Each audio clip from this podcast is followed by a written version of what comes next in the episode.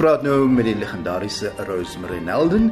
Sy is hoof van die Basket Soweto Stryk Ensemble en ek het vandag hulle konsert hier bygewoon hier in Soweto in Diepkloof. Dit was 'n lekker interessante konsert en ek wil graag hoor hoe het dit alles begin? Hulle vier vir jaar 25 jaar.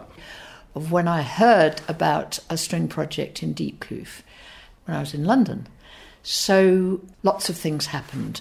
Started in 92 with my hearing a radio interview in London about a, a string project in Diepkloof, Soweto. I had heard of Soweto, I didn't know anything about Diepkloof. So I organised a fundraiser and we went out and played in railway stations and raised money. And I came out here in April 92 to have a look and see what was going on, and I got completely hooked. I started a new little project, and it's our, it's that 25th anniversary that we're celebrating this year. Maar intussen het baie gebeur in hierdie 25 jaar en kom ons hoor by Rosemary waar hulle oral konserte gehou het en watse tipe van konserte was dit? Amazing things have happened. And somebody asked me the other day, did I ever think in 97 that we would turn into into this sort of uh, ensemble and and that, that you know we would do any of the things that we've done. So by 1999 we we were pretty it was a little basic group, not very many of them. We actually went to the UK and that started a series of tours all over the world. If it weren't for COVID, there would be more of them. But we've been 26 times abroad, not to 26 countries, I have to say, because some of them we've been to several times, but we've been to America, the UK, Europe, we've been to Italy, France, Germany, Holland, and we've been to some interesting, we've been to South America, to Colombia and Brazil, and we've also amazingly, in 2010, we went to Syria, and a year later, that was it. And we've been to New Zealand. We've played in a promenade concert in the Royal Albert Hall for the BBC Proms. We've played in some of the most famous concert halls in the world, actually. So yeah, we've we've done things that I would never in a million years have dreamt about. Why? Because of the way in which we teach, which is very successful.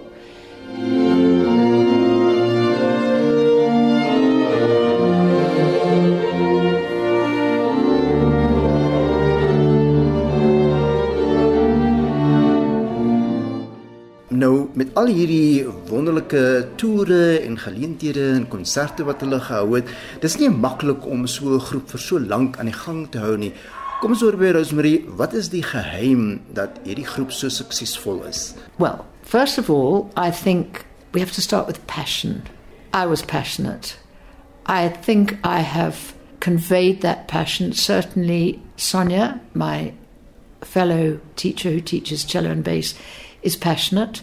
The, the, the young musicians who are here now are passionate about music, about playing, but they're also very passionate about teaching. In the early 2000s, Sonia and I put our heads together because we realized that we weren't going to get white teachers to come down into Soweto because there was a perception, and there still is, that it was a dangerous place to come to. So we decided that the best way of dealing with, with this problem, because it was a problem we wanted to teach, more, more and more children were coming, and the two of us couldn't manage. So we started training more advanced students. They were all still at school when we started this, and it's an extremely successful teaching approach that we use. It's, well, it, if it's interesting, it was pioneered by the late Paul Rolland, who went to America and did a lot of research about string playing. And it was picked up by my late colleague Sheila Nelson, who was a, who was a very very famous string teacher in London, and I worked very closely with her. And when I came out here, I just realised that amazingly, it worked for these young people. It's all about, it's a lot about movement. It's also about music reading and how to teach music reading. And that is extremely important in an environment where there isn't necessarily a lot of parental help or support. And that's just the way it is here. And, you know, a lot of these parents are struggling just to get through the, the day. So we had to teach music reading almost, well, we do from the very beginning, so that they have an independence, so that they can go home and do their own practice and work by themselves. And it is a community project, and it's aimed actually at less fortunate children who come from backgrounds where there may not be anybody working. That's the idea. Interessant ook dat tydens die konsert vandag was die gehoor redelik aktief en betrokke en hulle die konsert saam geniet hier in ek wil by Rosemary eers hoor oor die betrokkenheid van die gemeenskap veral wanneer hulle konserte hou soos byvoorbeeld vandag. Well what I find amazing I mean we played that piece the Julian Grant piece which has never been performed ever before it's the first performance.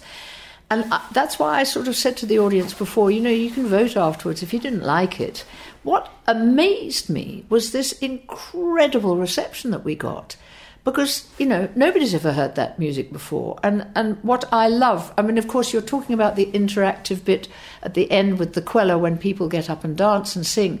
But what is amazing to me is they sing but they didn't have the chance. So i think a lot of them are sitting there interacting with their souls because this is something that's part of them. It's part of their spirit and soul, and they didn't get the chance, but they're jolly well going to share in what their children, their offspring, have, have achieved.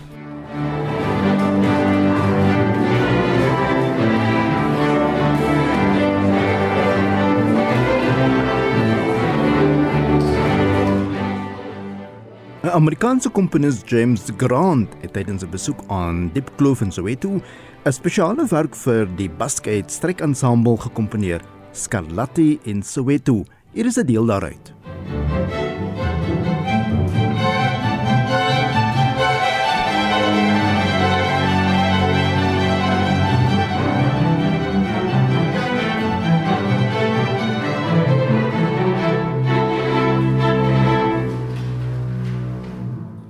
Dit was 'n deel uit die Amerikaanse komponis James Grant se Scarlatti in Soweto wat hy spesiaal vir die Basque Aid strykensemble van Soweto gekomponeer het. Die verjaardagkonsert van die Basque Aid Soweto strykensemble is dan op 17 Julie om 3:00 die middag by die Linder Auditorium hier in Johannesburg. MUZIEK